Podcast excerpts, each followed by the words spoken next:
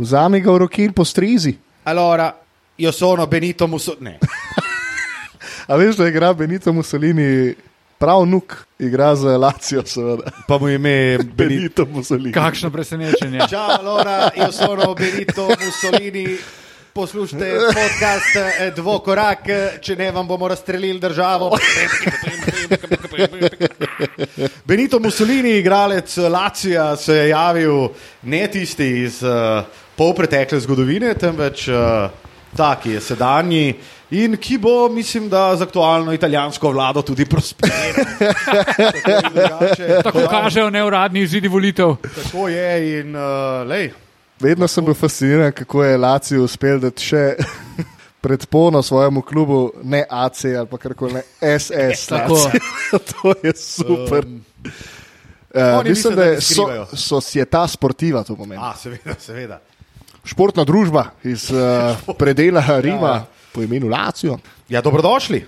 Tole je pa eh, sezona numero quadro. Quadro, quattro, En kvadr sezona. quadro sezon. A četrta tole? Ja, je, sta. Četrta sezona Sred- epizoda. Prva je bila taka polovična. Ja, pa je bila tudi bolj, eh, kako bi rekel, bolj se je nagibala v Ja, eh, ja, ja, celovitost, ja, ja, v ja, ja, polovičnost. ja, ja, ja. Zelo analitično smo začeli. Da, četrta sezona podcasta Dvokorak, drage dame in gospodje. Bomo nadaljevali. Uh, pripravljeno imamo norišnico. V tej, v tej sezoni ne morete verjeti vse, kaj se bo dogajalo, kaj se bo zgodilo. Noro bo. Tudi jaz se zelo veselim, da vidim, Da vse to vidimo. da vidim, kaj se bo zgodilo. Po vsej verjetnosti bodo tole spet uh, vaši, upam, da najljubši trije, uh, ki se bodo malce smejali, malce kregali, malce pa tudi, kako bi rekel, poskušali analitično podkrepiti um, Svoje misli. svoje misli in dejanja, ne na zadnje, uh, skozi novo sezono in čas, čas, v katerem živimo, je čuden. Tako bom začel. Res je. Uh, ne samo zaradi geopolitičnega dogajanja, zaradi vojen, zaradi draginje in tako naprej, Draginja. uh, cepljenja, uh, ponovno oživljajoče se ga uh, COVID-a in tako naprej, ampak tudi zaradi tega, ker poglejmo datum danes, 29. september je datum, na katerega snemamo. Ne? To je seveda rojstni datum Benita. Ne, ne. To, to je zelo čuden datum, glede na to, da ni ne teč, ne maš. Je lih neki med Eurobasketom, med katerim mimo grede, kot ste najbrž lahko slišali, oziroma ne slišali, nismo posneli nič, in na pol poti do začetka nove sezone lige NBA. In zato mislim, da je vprašanje, ki je zdaj vama, fanta, najprej na mestu, je, kako sta fanta. Jaz bom takoj vrnil, ne, Luka, kako si ti, preden pozabimo, da ne bo pa spet. Ne, ne, meni, no, Dobro, dobro, dobro, dobro. dežuje. Kar pomeni, da so ljudje izgubili uh, možnost, oziroma zmožnost vožnje. To pa definitivno. Veliko zmožnosti so ljudje izgubili, uh, ko dežuje. Uh, je pa res, da uh, moram reči, da tako na stara leta ne, je pa za me deževen dan lep dan. In ko sem včeraj gledal vremensko napoved in videl, da bo danes, danes je četrtek deževalo in da bo jutri tudi deževalo, potem pa se bo vreme uh, Postopoma. s, prihodom. Uh, um, Toplejše fronte. vzhodne fronte toplega zraka, ki prihaja iz Italije. Da se bo ugrelo, sem rekel, lej, sam še danes, pa jutri bo lep vreme, oziroma bo lepo. Ker jaz vam ne Vzhodna znam povedati, koliko ja. jaz uživam na stara leta v dežjujega. Ti Jaz si kar luka konkretno ponotranil to, da si str. Ne, mislim, vem, da nisem zdaj spektakularno strn, kot recimo bi bil danes Benito Mussolini, ne, Ja. ampak sem pa, sem pa že v letih, ki imam raj mir, ki pa Džumbus. eh, Ki pa džumbus, tako. A ste videli že v teh letih? Ne. ne glede, na, glede na to, kolikrat in po koliko časa sta hodila ven na našem eh, letnem retritu v Poritu, bi rekel, da sta videla še retreat. kar galamica. Uh, Ja, Tilanih je letos poleti dopolnil okroglih 30. Zbil sem jih skup. Noro je bilo, dobra zabavica. Najboljše. Prosim, nehaj ne mudoma. Big 3-0. Zelo dobro zabavo je priredil. Le tega. Ne sodi po sebi, Luka. Ne, ne, ne. Pravijo pa drugač, eh, kar se tiče fizičnega počutja in forme, kondicije, poškodb, eh, rekuperacije po poškodbah, je pa 35 bojda ta magična meja, ko je pa res eh, rehabilitacija, oziroma da se pobereš po poškodbi ali po prekrokani noči, procentualno višja kot pred A šti 35. 5 ali 36? Šest bom zdaj. Kmalu? Ja, vsak čas. Ja, se to mislim, da sem že povedal, da sem uh, Ti, sredi pomladi ugotovil, da jih nimam 36. res, Ja, kaj? v Splitu smo vse sedela. Kako se ti pa to na pijači In tako rečem, zdaj, letos pa 37, a? pa ona tako. Kva? Pa, Ne. Se mi je sva isti letnik. Pa jaz, ko ja, no koliko sem jaz stara? To kaj je, 36? Ne, nisem 36. 35 in pol sem dejansko šel računati, Matematični čarovnik, Luka. matematični čarovnik. Si vzel eh, en list, pa svinčnik, pa rekel, hm, 1900. No, fora je bila, da sem ugotovil, da sem leto mlajši, kot sem mislil, ampak to sem jaz ležit mislil, da sem 36. In uh, seveda, potem pa je bil še en razlog za proslavitev, ker sem imel leto manj, kot sem mislil, tako da sem si pa tri perčke naredil. Uh, Se ti pozna zmožnost rekuperacije in eh, celjenja poškodb, se ti pozna, zdaj, ker si že nekaj časa jadraš eh, Lej, sam bom rekel, ne, to leta po ti že rekel. 35. This was supposed to be the summer of George, the summer of Luka. In vse skupaj se je začel s tem le Hrvatom nasprot mene. Govori o meni, če je slučajno kak dvom. Rvat. ki me je 18. To me zanima, zakaj pa? junija, ki me, je- ki me je 18. junija poškodoval, zlomil palec na moji levi šuterski roki. Zaradi In- tega se Luka z mano celo poletje ni pogovarjal. Da, tako da tudi, ko v studio vodo ne pričakuj neke vsote. ja, uh, in ni šlo, ni šlo. Potem so bile, lej, ni bilo moje poletje, sam to rekel. Drugač pa, kosta fanta. Jaz sem, se razgovoril. No. jaz sem super. Jaz sem naredil še en teden dopustka, predno se zadeve v košarkarskem svetu začnejo zares. Za Avstrijo. Govorimo seveda tako o ABA ligi, kot o vseh ostalih evropskih košarkarskih tekmovanjih in seveda naši predragi ligi NBA. Ej, Tilena, bo to tvoj prvi studio, ki ga boš vodil na televiziji v nedeljo proti borcu? Iz Čačka. Ne, ja, iz Čačka, ampak Ne, v ja. dvorani Stožice, CD-vita Olimpija. Da. Da, -huh. To pa za pogled. O, ja. Da vidimo, kako se bo uh, sem No, jaz naročil. mislim, da že- se bo on fuldar znašel. Jaz sem prepričan, da se bo dobro znašel. Hvala, naročil fanta. tudi že maskerko in uh, rekel, da naj prinese tista gost pudar. Ampak dejansko maskerka tam ali kaj? Seveda, da bo, kaj misliš. A, dej, da- dej, zaradi tega imaš pol polletni budžet tako visok, če pa frizerje. A pa ne rabim k frizerju. Maskerka ta Razen, če ti bo maskerka popudrala lase, pol ne rabiš frizerju. Ja, pa je imela pa, mislim, če bi pudrala lase, bi imela zelo malo dela. Da, ampak obenem pa tudi velik dela, če veš, kaj mislim. Tako.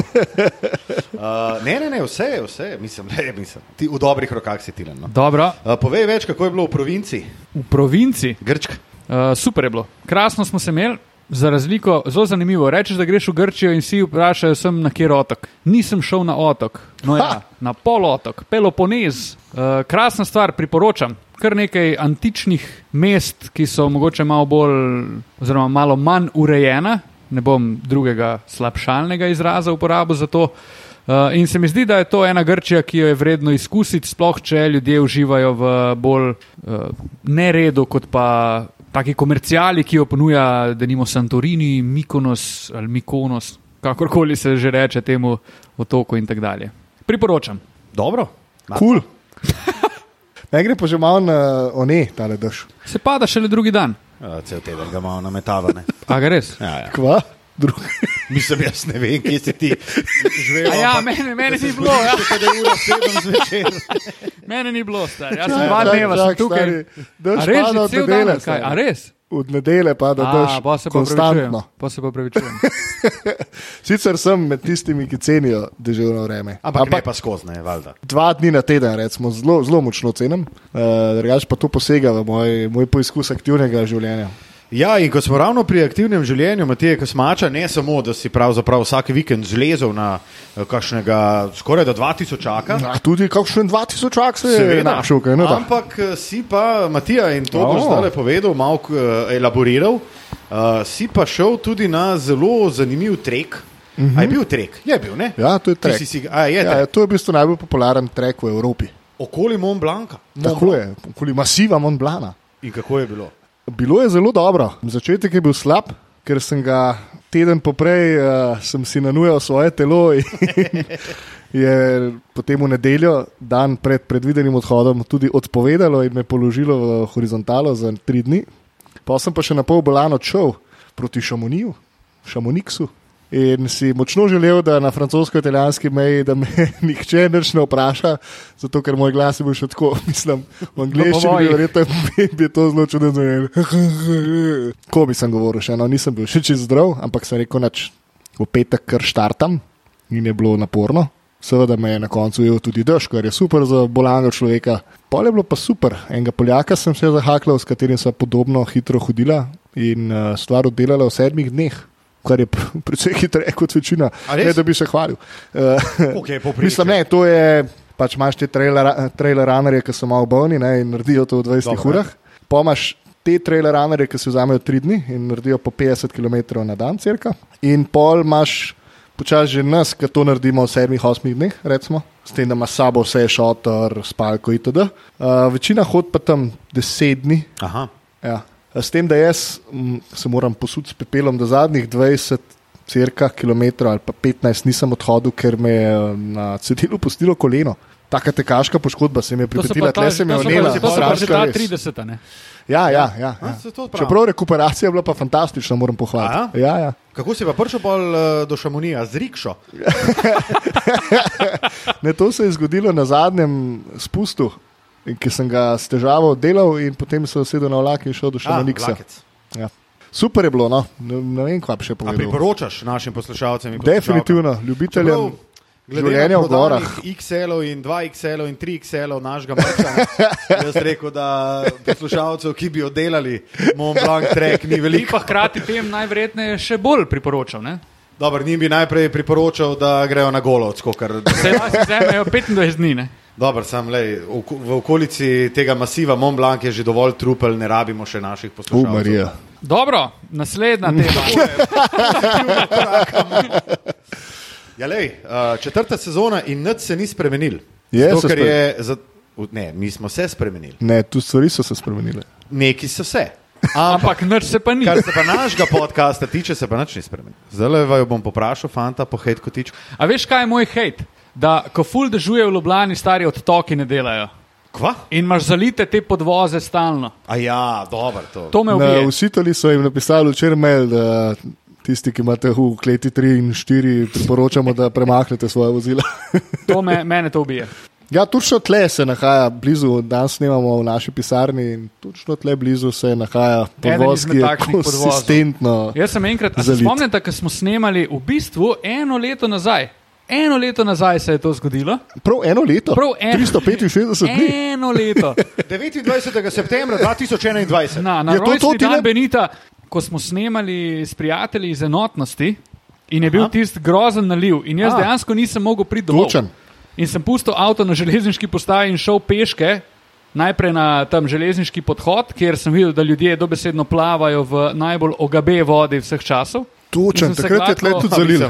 In sem se gladko Pri obrnil. železnici ni lepe vode, vse vemo, kdo tam hodne. Tako. Evo, in tu je že prvi veto, to gre ven.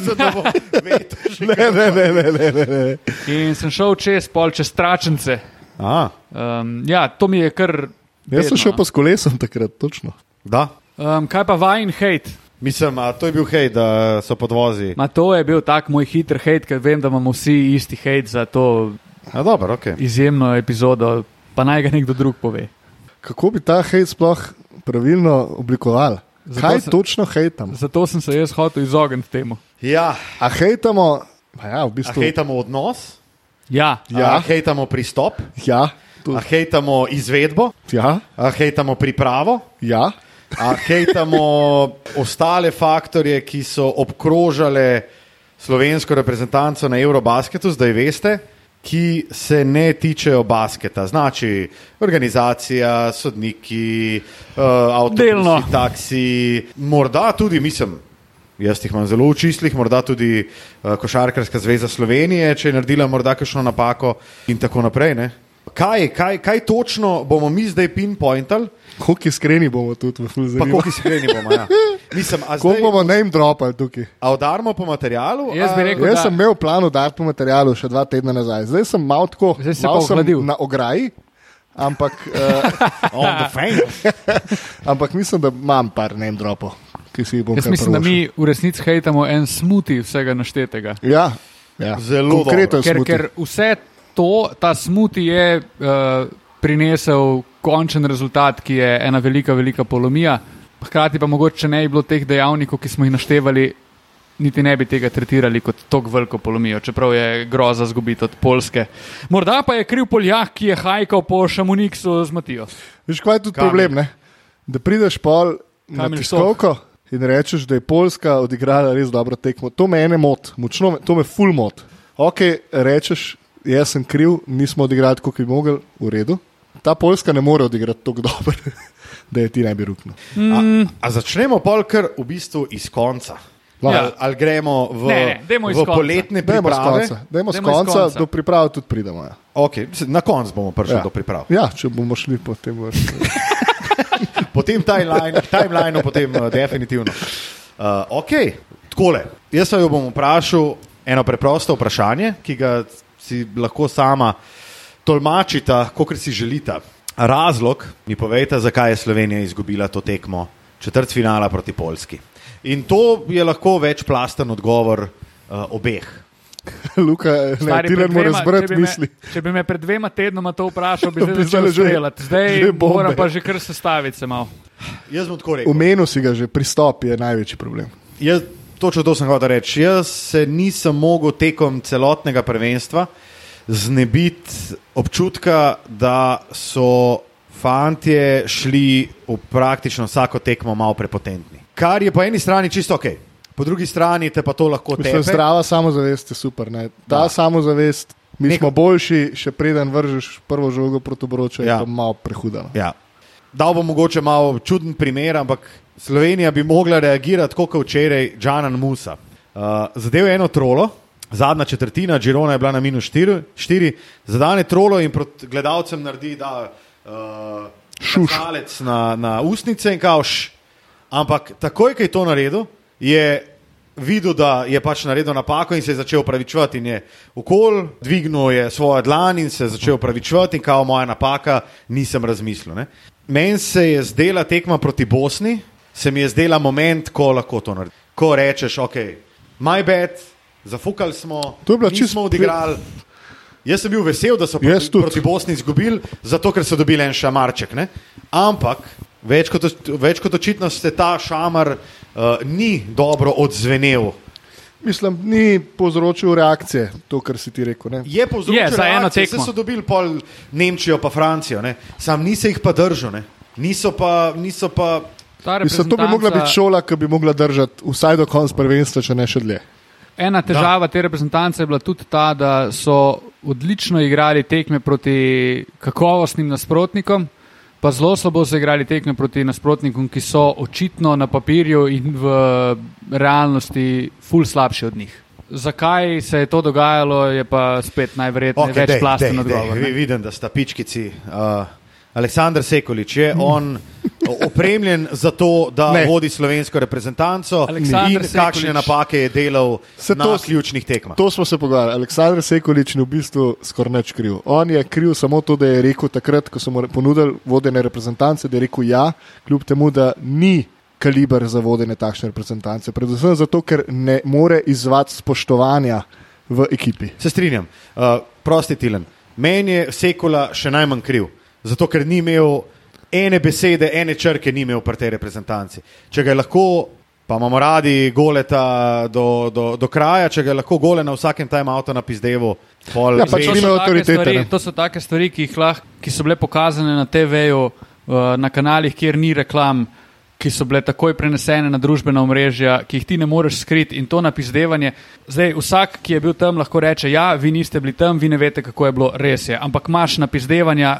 Jaz se spomnim, naprimer, ko sta se spičila s Polstra pa Butler. Zelo podobna zadeva, ampak druga dimenzija kreganja, ko pa to, kaj je Gogi delal Sekoli. Kaj je bilo pa enostavno brez kakršnega koli spoštovanja. in Mislim, da reče, kva je sale, jebem ti mater. Jebem ti Belgijo. Ne, ne, jebem ti, Ampak ti Najprej je bila matka, pa je bila pa še Pa, pa Belgija. še jebem Ja. ti Belgijo, kakav, kakav napad. Tako, ne, Dobili to smo je- 50 pik. Sej po eni strani, ja, pričakuješ od Gogija, on je zlati kapetan, da more popizditi, se strinjam, ampak je bilo tega, vsaj po mojem okusu, preveč. Pa jaz smo se prej- pogovarjali. Prej, če sem Gogi popizdil na Donko, Blažiča, Dragiča, na, na vse vse igralce. izhaja, to vse izhaja iz tega, da je izbereš najšipkejši člen. In če je najšipkejši člen trener, Ga ekspozaš. imaš težavo, ker ti nimaš hierarhije v ekipi. Oziroma, Seveda. hierarhija je napačna. Pa se to smo se pogovarjali ravno z Gugijem. Ne? Da pač, ko je on pizdil, je prišel kokoško in rekel, okay, zdaj se pa vse vse pa poslušaj. To to. In tega ni imel Tega Sekula, ja, ja, nam- definitivno. če to naredi, je še večja štala kot sicer. Jaz bi se eno primerjavo dal. Sekula več, po mojem mnenju, ne bi smel biti trener reprezentance. Ampak, ko sta prej omenila, on je naredil napako, ko je rekel da tej funkciji. Vsak od nas bi rekel da. Ker pač ti tega, Ja, mislim- ti temu ne rečeš, sem da dokončam. Okay. Ti temu ne rečeš ne. Ti imaš enkrat, mogoče v trenerski karieri, možnost voditi reprezentanco z Luko Dončićem, Dragičem, mogoče kdaj in tako dalje. Repko, ki gre z Lukatom na vsakem tekmovanju, ki ga igra na zmago, na medaljo. In ti boš rekel ne, ker zakaj? Ker boš sam sebi priznal, fakt, jaz nisem dovolj dober. Ne, ne boš tega. Mislim, moraš biti jebeno hud, moraš biti, da to rečeš. Jebeno hud moraš biti. Vzel boš ta Jaz job. sem veliko hotel reči, da, Zato, da a, vedel, sem- bi, kje so tvoje omejitve. Ne, Jebote iskreno, Nimburg, stari stari. Luka ne bi. Jaz ne verjamem, da je to. Oziroma, Vse to je situacija, v ljudi- kateri ni noben od nas bil in v Tako, bistvu in ne ne moremo reči. Ne. Peščica ljudi Zdaj si lahko bi mislimo, to da bi rekli. bila sposobna narediti. Ja. Ne? In zaradi tega je on vzel ta job, ker si mogoče niti ni predstavljal, kako težko je dejansko handla tako, ker pod kokijem je zgledalo vse ful enostavno. Ne, res je, tudi vsi ti igravci so zdaj v primerjavi z 2017 pet let starejši, kar bi naj pomenilo, da so pet let zrelejši, pametnejši, pa smo se prepričali, da najbrž ni tako. Kar se pa tiče sposobnosti pa vređanja sekule, imam pa problem, ker to je isto kot vređanje žige Dinca, ki se je dogajalo na v bistvu vseh ravneh. To je kot da bi od mene zahteval, da dvignem 500 kg. Nimam te kapacitete, ne morem. In ti ne moreš od nekoga, ki nima kapacitete, da naredi nekaj, kar se od njega pričakuje, sem zaradi tega, ker igra z Luko Dončićem in bi mogel zdaj to reprezentanco pelati do evropskega trona, da bo pa zdaj žiga Dimec, ne vem, full dober center. Pač ne, on ni full dober center.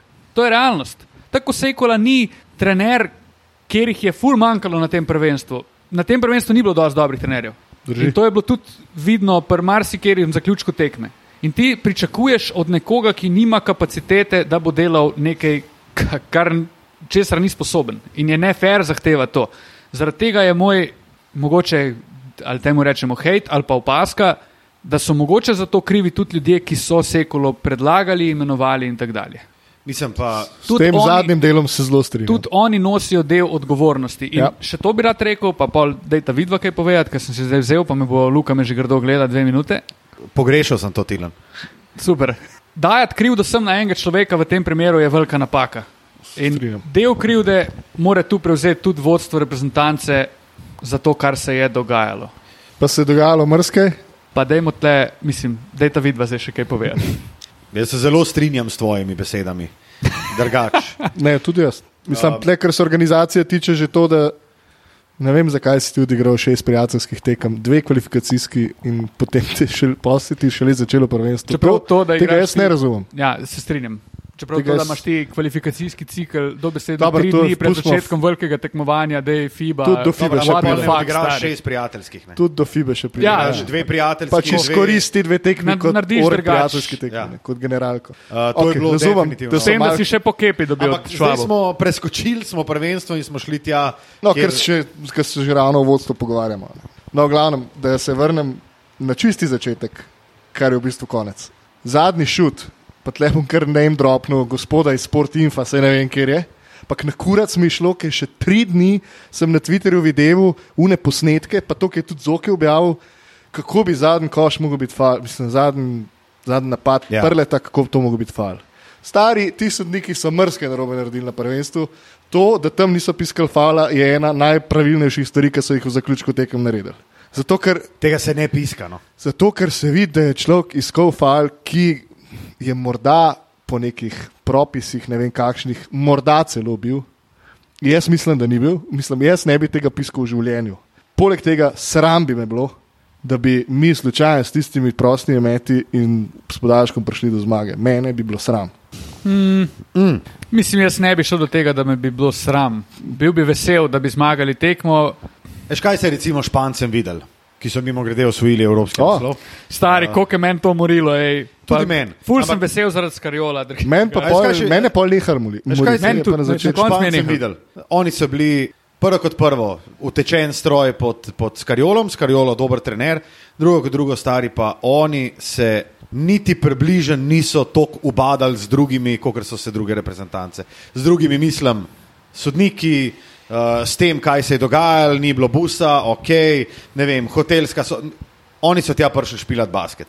Bili so, jaz lahko, mislim, nič narobe ne rečem, če rečem, da so bili dark horsi. Ja. Španija je vedno Španija, ampak Ja, noben, nobenih ni. Mislim, Mislim, to so bili igrači polfinale je bil plafon. Ampak so oni bili so igrači ACB špilat- lige. Točno to, oni so tja prišli špilati basket. In to se je na koncu videl, stari. Ker ti, če si šampionska ekipa, te lahko vsak dan, vsak večer prej greš spat, se ti nekdo uleli na polšter, pa te to ne bo motil.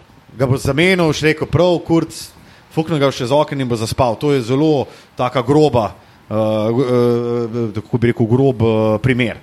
Ampak oni so pač tja prišli. Slovenija tja ni prišla špilati samo basketa. Ja, se Zdaj se pa pogovorimo še o tem. Jaz bi še to rekel, Skarjolo je bil z ekipo pravzaprav cel kvalifikacijski ciklus. Za njega je igral kar nekaj španskih košarkarjev, ki jih mi niti dobro ne poznamo, ampak on jih je spoznal in jih je znal postaviti v pravo vlogo v tej ekipi, Tako. zato da so oni prišli do zmage. Mislim, da imaš ti v šampionski ekipi Mislim, da je Diaz, Diaza. da je Diaz, pa ne samo, da je v tej ekipi, ampak da odigra ključno vlogo na, v zaključku vsake tekme. Pa jaz sem paro, pa Dija za delo, stari. Uh, Ja, tudi ni nič posebenega. Playoff, stari, to je povprečen play. Uh, para je ok, bil najboljši mladi košarkar ACB lige lan, ampak Juventud, on je, on je imel, vem, devet pik na tekmo, pet skokov. On je pač haslo ga tam in bil pač najboljši mladi košarkar. Ampak s takimi, če imaš ti vse predispozicije, če imaš pravo, če imaš pravo vzdušje, kemijo, kulturo ekipe, Skarjolo je naredil eno stvar, ki, ki je, mislim, da to so sanje vsakega trenerja. Da, mogoče sem jaz to gledal, ampak lepše je imeti ekipo, ki ni tako ful super zvezdniška, ampak je, dajmo temu reči, zdaj povprečna, čeprav Španci vseeno so nadpovprečna ekipa v tem prvenstvu. Naprimer, tam če me eh, pred začetkom Eurobasketa vprašala, kdo bo v polfinalu ne? in valjda straight up odgovor je Slovenija, Srbija, Grčija, pa imaš pa tle četrtega. Ne? Po pa tu začneš kolebati med raznimi reprezentancami in na koncu neko, pa pizdarija, španci, smešna repka, ko jih pogledaš, ampak španci so španci. Ne? In eto ga. In Skariolo je naredil res vsakega, je postavil v položaj, kjer je lahko najboljši, postavil jim je neke okvire. Podobna scena je ratala Kokoškovu 2017. Ne, ker so kar naenkrat vsi izgledali fantastično, in pa so se prodali v neke klube, kjer kar naenkrat tega več ni bilo. Meni je šlo recimo tudi zelo na živce to, da uh, so šarkarski analitiki, uh, Twitter strokovnjaki, Facebook eh, doktori, pa ne na zadnje tudi komentatorji uh, v peti tekmi prvenstva ugotovili, ja, mi bi pa res rabili še enega visokega košarkarja. Stari moj, ti imaš Dimo, imaš na položaju drugega centra, jasno je, da visokega košarkarja prvo kot prvo dru ni, drugo kot drugo bi pa lahko en mesec prej pogledal zaključni seznam, ki ga je Sekolič objavil in kjer se je videl, da imamo mi pet plejev in da pač višine kle ni. Tako da ena brza odjava tudi za uh, vse, ki so šesti tekmi ugotovili, da nam pa manjka en visok basketaš. Ja, ne bi rekel, da je tle glavna težava. no. To je glavna, glavna težava zdaj, v eni cel seren dan. Ne. Zdaj je problem, da mi nimamo visokega košarkarja. Imaš pa tisoč drugih rešitev.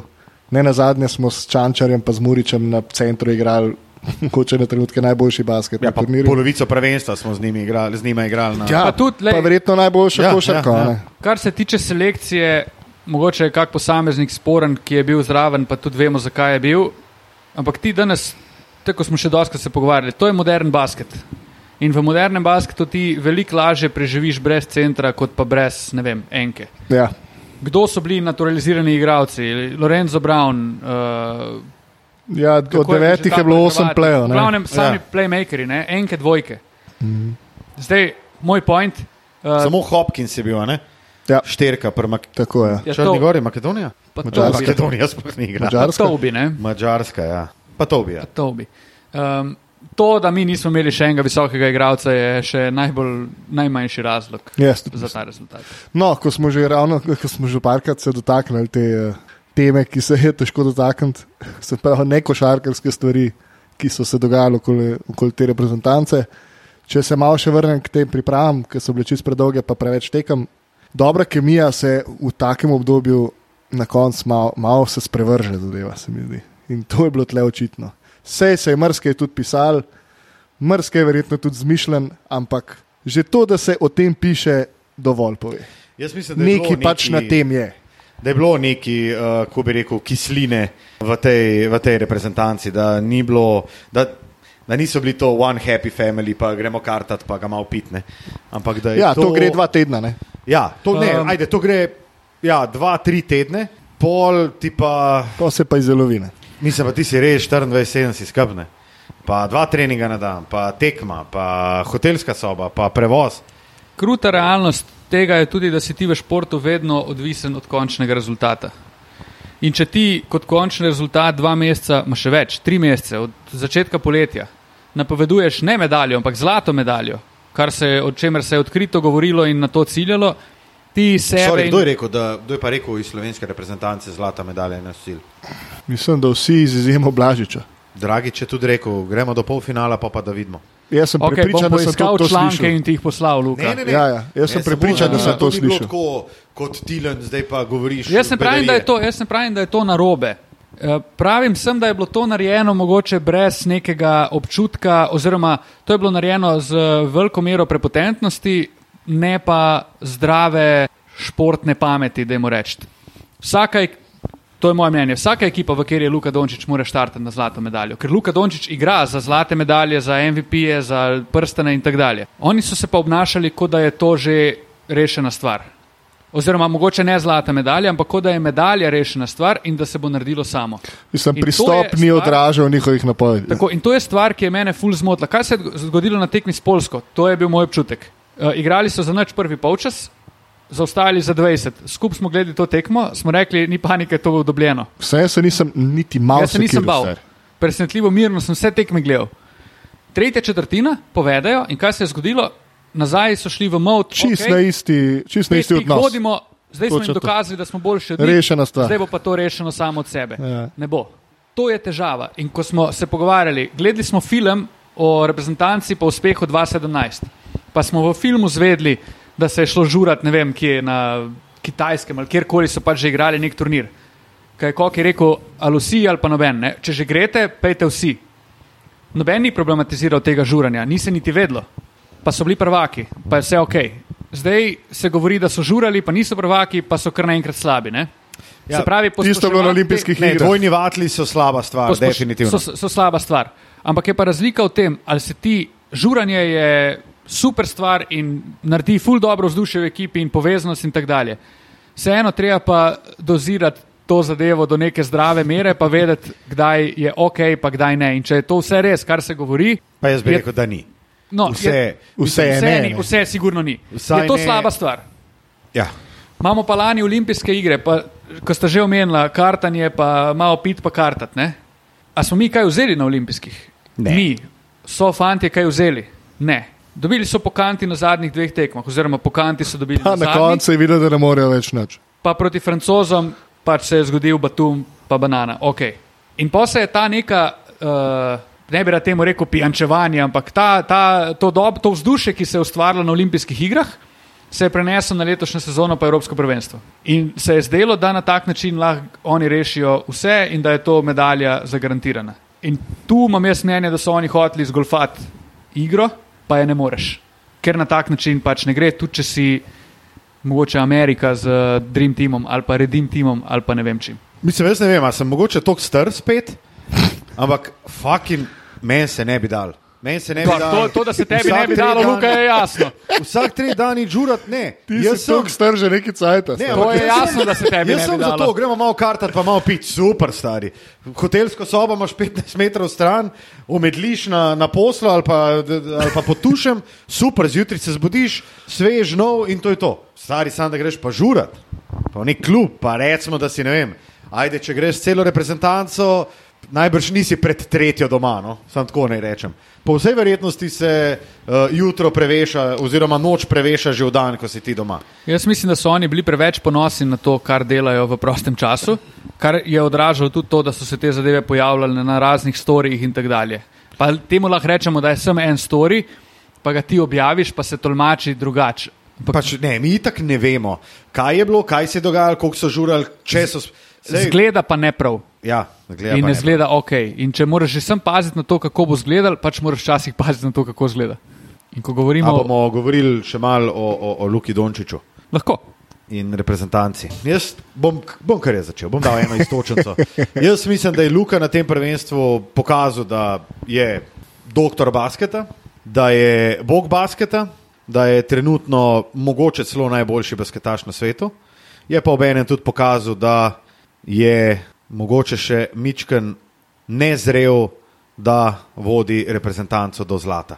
In nezrel v odločitvah na igrišču in odločitvah med igro in ko igra ne teče. Uh, Klej mislim predvsem na, na to lahko čemo, boljši smo v napadu, kar je povsem res. To je dejstvo. Kle, ne? to, to je dejstvo. Klej se Vsakemu lahko damo 100. vsakemu lahko damo 100, to jaz štekam in če to pomeni, da ne vem, dvakrat malo zamudiš obrambo, se jaz s tem čist strinjam. Vse okej. Če ti dobiš tudi teh dvakrat, ki se ne vrneš v obrambo, štiri pike, ampak če jih ti da 100 pa uni 75, je to Mislim, če jih oni dajo 99, je to ok. Ne? je to super matematika.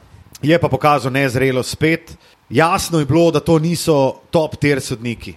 Jasno je pa tudi to, da v NBA-ju te mogoče mičken laži med rednim delom sezone, ker, je tak, eh, ker so to tekme zgoščene, te laži skrijejo. Na Eurobasketu se to pač ne da narediti.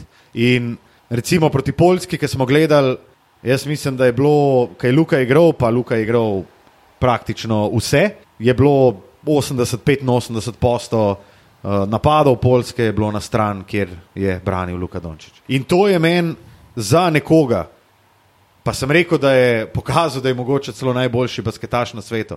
Ampak to je za nekoga, kot je Luka, jaz bi to vzel kot motivacijo. Jaz bi to vzel kot neki, evo, dej, spravim se v formo, pa še enkrat tukaj mi reče, da je Luka, da je Luka bil spreman na pune bombe, pa da je izklesan. Sploh ne vem, kaj se imamo prvo kot prvo za pogovarjati, ne vem, kva ti naj rečem. Um, Kam ima to sploh veze, stari? Do neke, nima me, veze, ja, do nima neke veze. mere ima, ampak v resnici pa nima. Dej, Mislim, dejte jasno mir je, da on lahko 48 minut odigra, odigra na visokem nivoju, predvsem v napadu, mot me pa pač odnos in tukaj pa pač ta nezrelost, ki sem jaz rekel, pri Donki. Uh, in kar se tiče pritoževanja, ne vračanja v obrambi, ležanja uh, na tleh, do v bistvu malo jebi veterskega odnosa, uh, tudi proti drugim soigravcem, se mi pa zdi pač ta nezrelost, pardonki, uh, vsem uh, eden izmed glavnih razlogov, zakaj Slovenija ne samo da ni premagala Poljske, ampak ni usvojila kante. Jaz bi rekel tri stvari.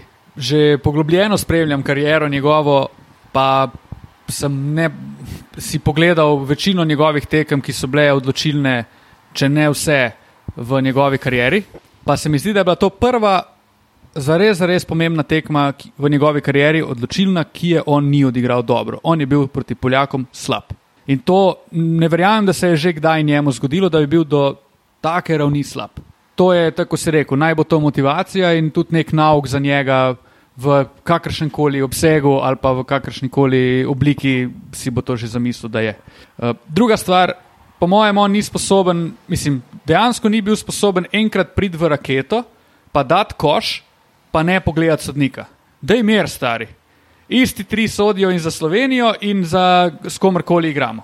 In na vseh tekmah je tako. Širša evropska javnost je govorila o tem, da ja, vsi se pritožujejo, pa sodniki so slabi. To sploh ni sporno, grozni. Ampak Slovenci so bili antipatični na podlagi tega, koliko so se pritoževali nad sodniki. Pa stari moj tuk proti nam, pa spet niso bili vsi, da ne bi mogli reči, ne vem, dajmo zdaj vsaj za to tekmo pustiti njih na miru. In so pustili na miru, za ne vem, en polčas proti Nemcem ali pa Francozom, pa so pustili na miru, pa je bilo ok, pa se da odigrati. Ampak ne, takoj naslednjo, treba skozi težiti, pa dej, dej mir. Meni gre ful tudi na živce to, da je pol, kot si ti rekel. Vse je proti nam, vse sodniki, uh, taksisti, busari, organizatori, vsi hočejo, da mi ne uspemo. Tu hudi pa spet Dej, nismo. Prosim, te lepo, To je stari. najslabši možen pristop v športu. Kar, Res, v, v, mislim- v čemer koli, ne samo v športu, v življenju, da sam sebe daješ v situacijo, da je vse proti tebi. To je uh, recept za poraze. Mislim, recept za poraze je pa to tudi. Uh, recimo nek recept za motivacijo, ki je pa Slovenija iz tega ni pobrala. Sodniki slabo sodijo in oni se niso motivirali na to. Pa da bi rekli, evo, nima veze, če nam sodnik zajebe 15 napadov ali pa 15 stvari spusti. Dajmo mi pokazati, stari, da tudi če nam 15 stvari zajebe, da jih mi odlomo za 20. Točno to. Mogoče manjka ta uh, pristop, dej.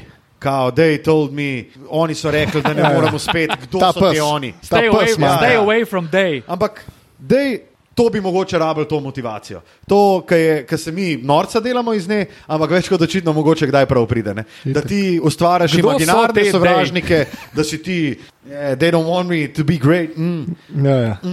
Da to. priješ na polčas na intervju, pa začneš lajati v mikrofon. To, stari. Tega manjka. To manjka. Točno to. We dogs. Vrhunski, vrhunski, holandc. Bi pa dal propse na tem mestu še Luki Dončiću, zato ker je edini izmed velikih zvezdnikov šel na tiskovno konferenco Drži. po porazu in izpadu. Pa tudi če to, kar govori, tudi če so floskole, sploh ni važno. Prišel je, Luka- stari kapo dol, za, ta, za da te je- stvari kapo dol. To, kar je on povedal na tej novinarski, je bilo, on je rekel, le jaz sem bil danes slab in tak ne morem biti za reprezentanco. On je povedal pravilne, mislim, povedal pravilne stvari. Ja, kukar je neroden z Prevzel je- besedami, zna tako zelo Prevzel je odgovornost v trenutku, ko je potrebno odgovornost prevzeti. Jaz iskreno niti nisem pričakoval, da bo prišel na novinarsko in bi to verjetno, če ne bi prišel, bil moj hate, ker sovražim, ko se glavni igravci, sovražil sem, ko se je potekmi z Bosno pred mikrofonom znašel Čanč, kot bi Čanč sam rekel, ko se pa trofeja pokaže ljudem, pa Čanč kot te jebe. Ne? In da je on un, ki mora reševati nek, nek public image oziroma se ne opravičevati, ampak razlagati, zakaj se je zgubil. Dej, če si car stari, pridi pred Mike, pa reči. Ne? Pa tu lahko spet prijemo na Gogijevo stvar, ko je rekel v mix coni. Dej, Gogi, če ne greš, če že priješ med, pred, pred novinarje, dej pol povej normalno, ker si naučen v NBA-ju, 15 let igraš v NBA-ju, veš, kako to narediš. Ne pa da rečeš, odmahneš z roko, pa rečeš novinarju, to vprašaj selektora. To isto stvar ti lahko poveš na normalen način, pa noben ne bo polemiziral tega. In to so taki neki detajli, ki na koncu tvorijo mozaik tega, kar se je zgodilo. In ta, ta poraz Slovenije je mogoče tudi, upam, da se bomo čez tri leta pogovarjali, da zaradi tega poraza smo dobili medalje na svetovnem, olimpijskih in naslednjem evropskem. Samo zato, ker je ta reprezentanca dobila pokepi v četrtfinalu v, na tem Eurobasketu. Tudi jaz mislim, da, je, t- da bi, oziroma upam, da je to ena zelo draga, ampak Dobra. tudi zelo dobra lekcija. Ker- Uh, mi je šlo pa tudi zelo na, na živce, da zvezdnikov ni bilo na novinarskih konferencah. Ker Zato, ker- Z vsem spoštovanjem do Čanča, Blažiča, pa tudi ne na zadnje do Slukasa in do ostalih, ki so uh, menjali Janisa, Jokiča, pa Donko. Ne? Jaz to mislim, da je iz vidika, iz vidika tega, da ti ustvarjaš neko podobo reprezentance, to zelo slabo. Medijev ne, z vsem spoštovanjem spet ne zanima, kaj ima, kaj ima Slukas, seveda, saj to je jasno. Ampak jaz ne morem verjeti, kakšna nemoč je pri tem, da reče nekdo, ne, jaz pa ne grem na novinarsko konferenco. Jaz si to enostavno ne morem predstavljati. Kako lahko rečeš, da ne greš? To je enostavno, koga ti priješ na tekmo gledati. A priješ na tekmo gledati, še enkrat, brez uh, ne, Slukasa, naro, ja. ne narobe jemati Slukasa, Čančara, Prepeliča, pa je Čanč najverjetneje poleg Blažota moj najljubši igralec v tej reprezentanci. Ja, jaz imam top 3, mirno. Ja. Čanč, Blažo, Murič. Legitimno, po legiti simpatičnosti. ja, po simpatičnosti, pač nek uh, afiniteto imaš do njih. Tako. ker pač ni popularno reči, oziroma itak, da je Luka fucking Dončić uh, najboljši. In da ti nimaš, bom rekel, jajc za Jokiča, pa Janisa, pridno novinarsko pa reči, kar sem hotel prej reči, koga prijo ljudje gledati. Pridejo gledati Jokiča, Janisa, Luko in tako dalje. In ko ti izgubiš na tem nivoju, tudi ljudje hočejo slišati, kaj imaš ti v tem zapovedati. Ja, pa ne samo zgubiš, tudi ko zmagaš. Tudi ko zmagaš. In prav je, da prideš, in prav je, če ne prideš, da se zahteva tvoj odziv. Ker hočemo vedeti, kaj imajo te ljudje v tem zapovedati. Mislim, jaz bi razumel, če so to ljudje, ki so dali v življenju deset izjav, pa se mogoče ne znajdejo pred mikrofonom, ampak to so NBA-jevci, ki ne po tekmi, da grejo na novinarsko konferenco. Oni dajo pred tekmo, med tekmo, po tekmi dajo izjavo.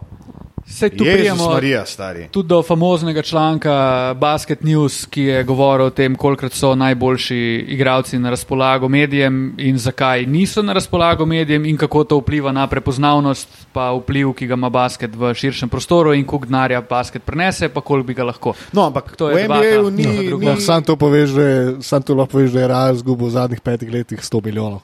Tako. 100 milijonov čiste bule.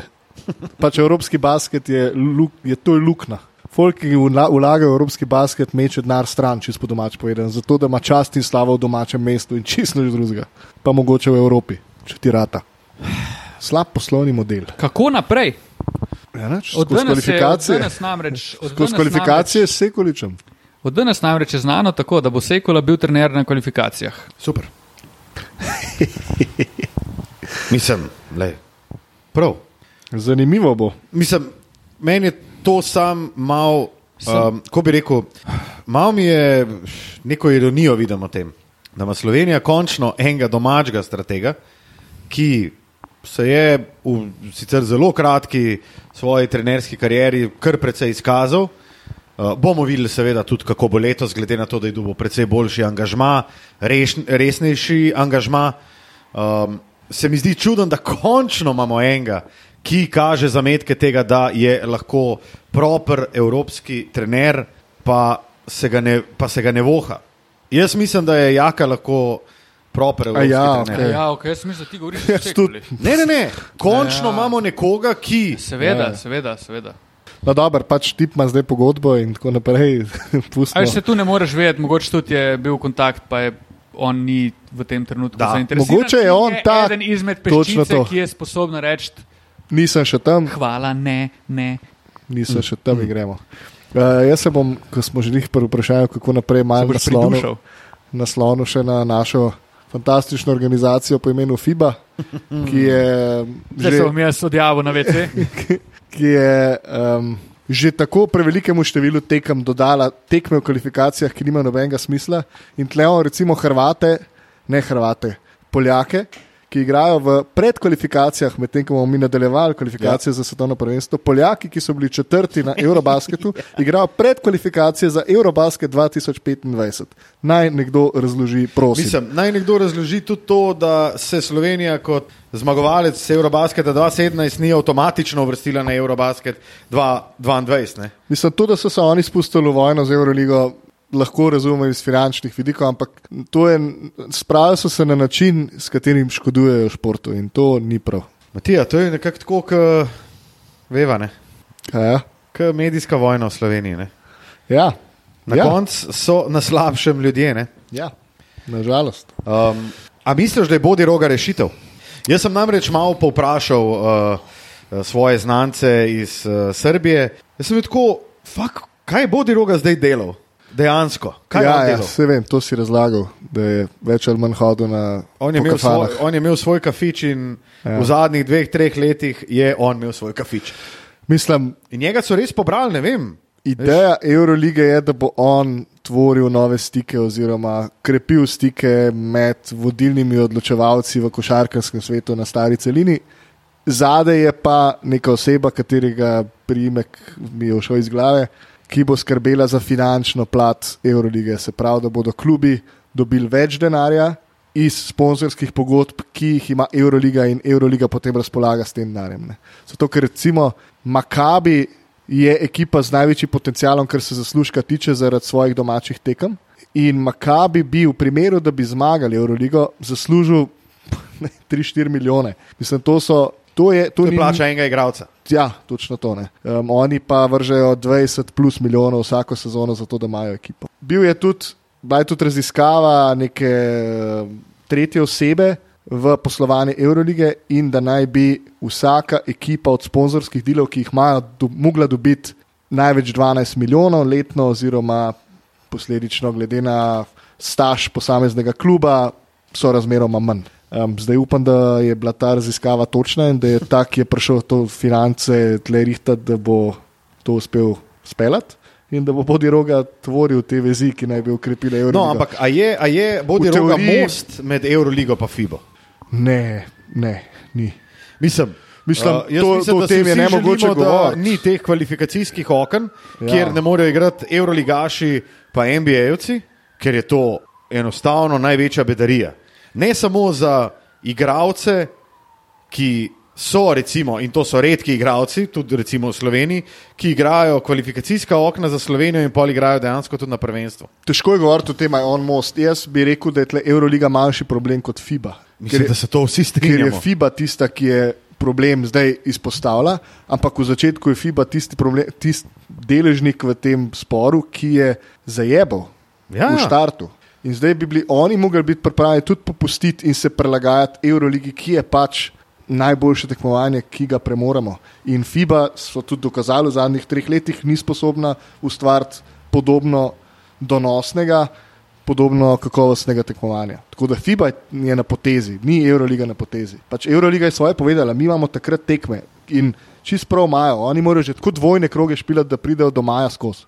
Dobro, sam, Se pa ne bo število ekip v Euroligi se ne bo manjšalo, Razumem. Kvečjem se bo večalo. Jasno je, da se število tekem veča, kar je Euroliga tudi naredila, ne na zadnje, z ligaškim tekmovanjem v resnici. Povečala število tekem. Pra, praktično se je iz sezone v sezono so se. Ne vem, pa dve tekmi več, pa tri tekme več, pa z ligaškim, ne vem, štiri tekme več. In na koncu si bil v desetih letih, je ekipa imela po 12-15 tekem več, kot jih je imela prej. Ne. Jasno je, da valjda več tekem, več revenueja, več market, mislim. To je ena plus ena in pač to je svet, v katerem živimo. Ne. Je pa res, da pač trpi zaradi tega reprezentančna košarka in jaz mislim, da je to, kar dela FIBA, ne samo slabo za basket nasploh, pa za te eurobaskete in tako naprej. To je tudi na klubski ravni zelo slabo. Zato, ker imaš dva pola, ki se pač ne morata več kot očitno, predvsem FIBA ne more, ker je pač Euroliga. recimo Jih je temu- prerasla. Ja. In in je vzpostavila nek eh, model, ki je vzdržen, ki sicer ok, z minusi nekaterih klubov, eh, pa ne samo zaradi Eurolige, pač lahko tudi bankrotirajo, ampak nima veze.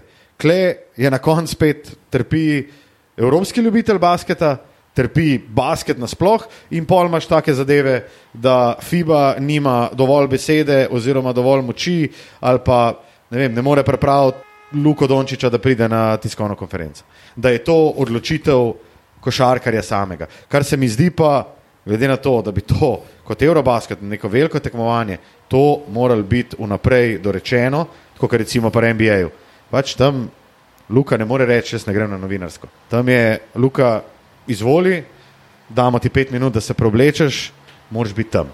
Veš, kaj je zanimivo? Kje pol, naprimer, revenue je vse večji, ne? več tekem, več gledalcev, revenue je vse večji, ampak ta luknja med tem, kak je revenue, pa koliko imaš ti stroškov, že v prvi vrsti s uh, plačilom igralcev in tako dalje, je pa neizmerna. Ne? Ti še to skozi ne, še govoril. skozi ne moreš poloviti tega. Ne? Ja, težko. Dobro, ampak pri futbalu gledaš, sorry, pri futbalu gledaš, stari, po vsaki tekmi ti pride Ronaldo, ti pride, ne vem, Pogba, Mbappé, ti pridejo na novinarsko konferenco. Se, ja, to, to je itak. Jaz se s tem čistrinjam, kar si rekel, da bi te ljudje mogli iti na novinarsko in bi mogli biti bolj vidni. Pa organizacija, ki vodi, naj bo to FIBA, Euroliga, bi mogla narediti produkt tržno bolj zanimiv in boljši. Ampak na splošno, v nekem makro vidiku je pa ta, ti igralce plačuješ full drago, ampak ne moreš nikdar tega nadoknaditi s tem, koliko boš ti prodal dresov, uh, koliko boš ljudi prevabil na tekmo, pač koliko boš zaslužil. Luknja težava, naj bi bila precej manjša, če bi Žordi Bertomeu gospodarno ravnal z denarjem. Kot Je, to je bila raziskava neke tretje ja. agencije, ki je to delala. Se, se, Ne govorim, ne pridemo še do 30 milijonov CSK, pridemo pa na 10 na mest na 2. ja. 10 milijonov je velika razlika. Ne? Pač to je korak v pravo smer, ne? jaz mislim. Ker če Saj boš ti dal mogoče je 10 to- milijonov, bo dal, en- ne vem, tako je dal letos Monako, bo dal na mest 12 milijonov za ekipo, jih bo dal 20. In boš ti tudi njih motiviral, da so, lej, ne rabite da 20 mili z nule, rabite da 10, pa ste lahko top 8 v Evropi. Ja, sej, to je mogoče skupni imenovalec, so ljudje, ki vlagajo v šport. Vse to isto vidimo na nek način pri futbolu, kjer je revenue še toliko večji, pa dejansko se lahko dela z dobičkom. Ne? Ampak imaš ljudi, ki vlagajo Čeprav. zaradi tega, da se, ja, čeprav se strinjam, da so tam šefi ne? in pač pridejo ljudje iz razno raznih vzhodnih držav z ogromno kapitala ali pa zahodnih držav, v končni fazi se nima veze. In pač vlagajo v ta šport in je ta jama, koliko lahko jaz porabim zdaj. Jaz imam pa milijardo za nakupe letos poleti in dajmo to potrošiti. Ne? Ampak lej, ti tega ne boš nikdar na- nazaj dobil, briga me. Pač to ne more biti zdržen model za, model za dolgoročno delovanje ali kluba ali pa tekmovanja ali pa športa. Kaj se more slovenska reprezentanca oziroma Slovenija kot taka, magar tudi, če gremo medijsko pogledati, naučiti iz tega prvenstva? Jaz bi rekel, da prvo kot prvo. kakšno vprašanje. No, ja, ne, mislim, Dobro vprašanje. Fora je v tem, da več kot očitno je vsak tekmec, ki je, je dober tekmec. Ga ne smeš podcenjevati. Drugo drugo, ne bori se z mlini na veter, ne bori se proti tistemu, proti čemer se ne moreš boriti. Znači, to so Sodniki, sodniki, ali si ti v taksiju ali v jumbo jetu, nima veze, ne bori se proti temu. Plus, jaz bi rekel, da tudi kar se medijskega, medijskega sveta tiče, je mogoče nikoli bolj kot zdaj se ne vidi, da je novinarstvo na najnižji točki v zgodovini in da potrebujemo dobro novinarstvo. In da po, potrebujemo dobre ljudi, objektivne ljudi, in da mogoče kapital ne sme biti pač glavna stvar pri vem, pokrivanju, pokrivanju nekega prvenstva, kot je bil recimo Eurobasket. To pomeni, da ni. Tle govoriš o nosilcih medijskih uh, TV Ne, ne, ne, ne, ne, ne, ne, ne. Govorim Nasploh o medijih medijskem nasploh. prostoru. Govorimo o člankih, o clickbaitih, govorimo o tem, da sem mogoče prebral tri poglobljene članke na temo Eurobasketa, od tega sta bila dva članka tuja, en je bil pa slovenski. In da je tudi to stvar, ki dela na dolgi rok škodo, škodo basketu, pa konec koncev škodo slovenski reprezentanci, kot smo videli, da naši fanti, junaki, moj tim, na, na, na, zgubimo s Polsko, pilste ga, jebite se, niste bili športniki. E, tako lahko ploščo obrneš sam na gramofonu, ne pa, ne pa, ne pa pri poročanju. In jaz mislim, da je tudi, kar se medijev tiče, da je v nas velik problem. To je res, ampak če se vrnemo k izhodiščnemu vprašanju, jaz se z vsem strinjam, kar si povedal. Vprašanje je pa bilo, kaj se reprezentanca lahko nauči. Ne? In Slovenija nasploh. Mislil sem s tem na medije in na uh, recimo Slovenski širšo, ljubitelji športa. širšo javnost. Sem tu so itek stvari, ki grejo malo z roko v roki. Ne? Eni druge prepričujejo in ko so vsi, na, ko vsi isto stran plošče poslušajo, pač se tuli v isti rok. In pol je ta rok enkrat bil zapečaten strani Polske in pol je kar naenkrat začelo pihati v drugo, v drugo stran. Mislim, ta, ta uno, se, tudi ki se podcenjevanje. jugo spremenil, burijo, sem jaz bil kratko, pa čakaj malo. Včeraj je bil pa še moj tim, naši fanti, junaki, uh, legendice, ne vem kva, zdaj pa pijanci. Pizda. Tudi podcenjevanje, Ja, ne, naprimer, res je bilo tako. Jaz imam, imam tudi jaz svoje. Na nek način podcenjevanje polske strani medijskega sveta. Ne? V smislu, mi smo že itak v polfinalu. Ne, nismo stari. Pa Najhuj pri tem je, da če bi pa kdo mogel vedeti, bi pa to slovenci mogli vedeti. Četrt finale je zelo, zelo triki zadeva, ki se lahko zlomi na sto in en način. In pač ne moreš ti uvrščati nekoga v polfinale. Francozi so bili tudi arogantni na tem prvenstvu, pa marsikaj nekulskega so delali. Ampak oni o medalji niso govorili, Ja, preden so, so bili v korektno polfinalu. odigrali obrambo na vsaki tekmi, če Ja. ne drugega. In tu je nekaj, zdaj bom pa sem še odgovoril na hitro na tvoje vprašanje o slovenski reprezentanci, ki ima potencial, ko sem rekel, na vsakem prvenstvu biti, se boriti za medaljo, mora ciljati na najviše mesta in to se mora definitivno ohraniti. Bi bilo pa super, če bi se naučili, da pač ti zgolfati ne moreš, da vsak trenira, da vsak te lahko tudi premaga, če imaš ti slab dan in neko večjo mero, dajmo temu reči, resnosti mogoče, čeprav nisem siguren, če je to ustrezen uh, izraz, pa z boljšim odnosom ta ista reprezentanca je v polfinalu, kar bi že itak mogla biti. Glede na tekmece, ki so jih imeli po dobro upravljenem delu v, v, v predtekmovanju. Ne. Se pravi, odnos je tu ključna, ključna postavka. Ta vprašanja, ki smo si jih tudi mi zastavljali, tudi ne na zadnje o obisku tekem, pa navijaški kulturi in tako naprej. ne. Ja, zdaj, se je pa Mati, zdaj bo pa Matija objasnil. Ja, prav, jaz se tega kar veselim.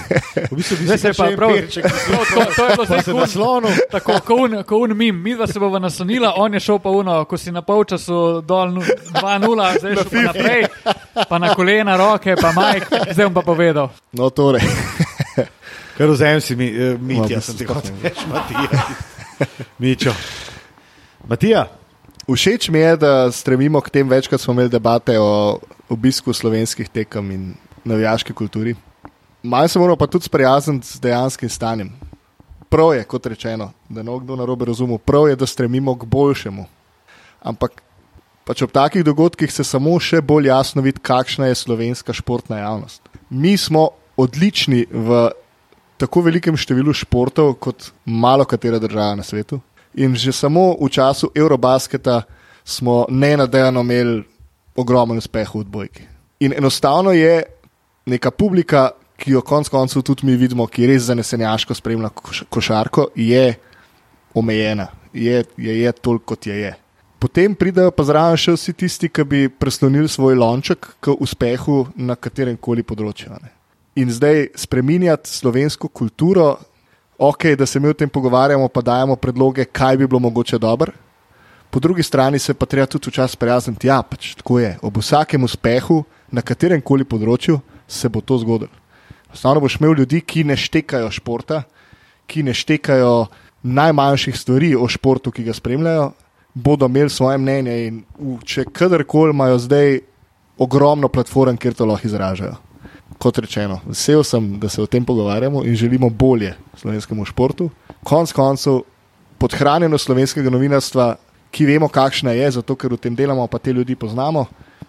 Tok ljudi je na voljo in ti ljudje morajo, poleg tega, da pokrijejo en Eurobasket, morajo pokriti verjetno še ne dva športa zraven, ne, ki se, ja, ne, če ima srečo, sočasno dogajata. Vklop v živo, pa dva članka, pa javljanje za dnevnik. Pa...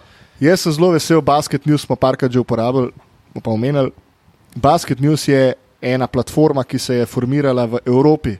Mi govorimo o Evropi, mi, nas je dva milijona, mi govorimo o celi Evropi, je en dober, pa mogoče ajde Eurohub še zraven, dva dobra medija o basketu evropskem obstajata ta trenutek.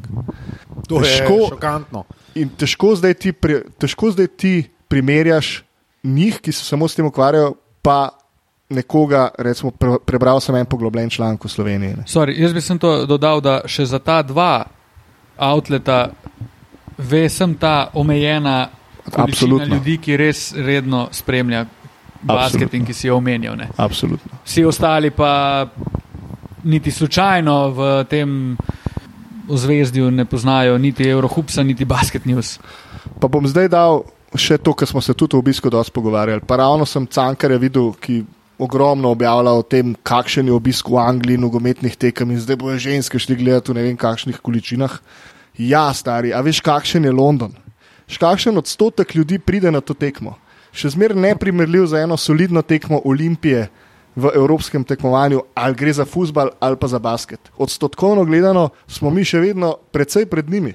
Mislim, London ima 8 Enostavno mil ljudi. imamo ne. omejeno število ljudi, ki lahko pridejo na te tekme, in čist sorazmerno je toliko ljudi, ki ta šport spremljajo poglobljeno in ga poznajo in si želijo iti na tekmo in na tekmi uživati. In to, da ti zahtevaš, da boš imel na, na stožicah, na nogometni tekmi proti rudarju, boli me kuras proti komu, 8000 ljudi, to je utopija, to, to, to ne obstaja.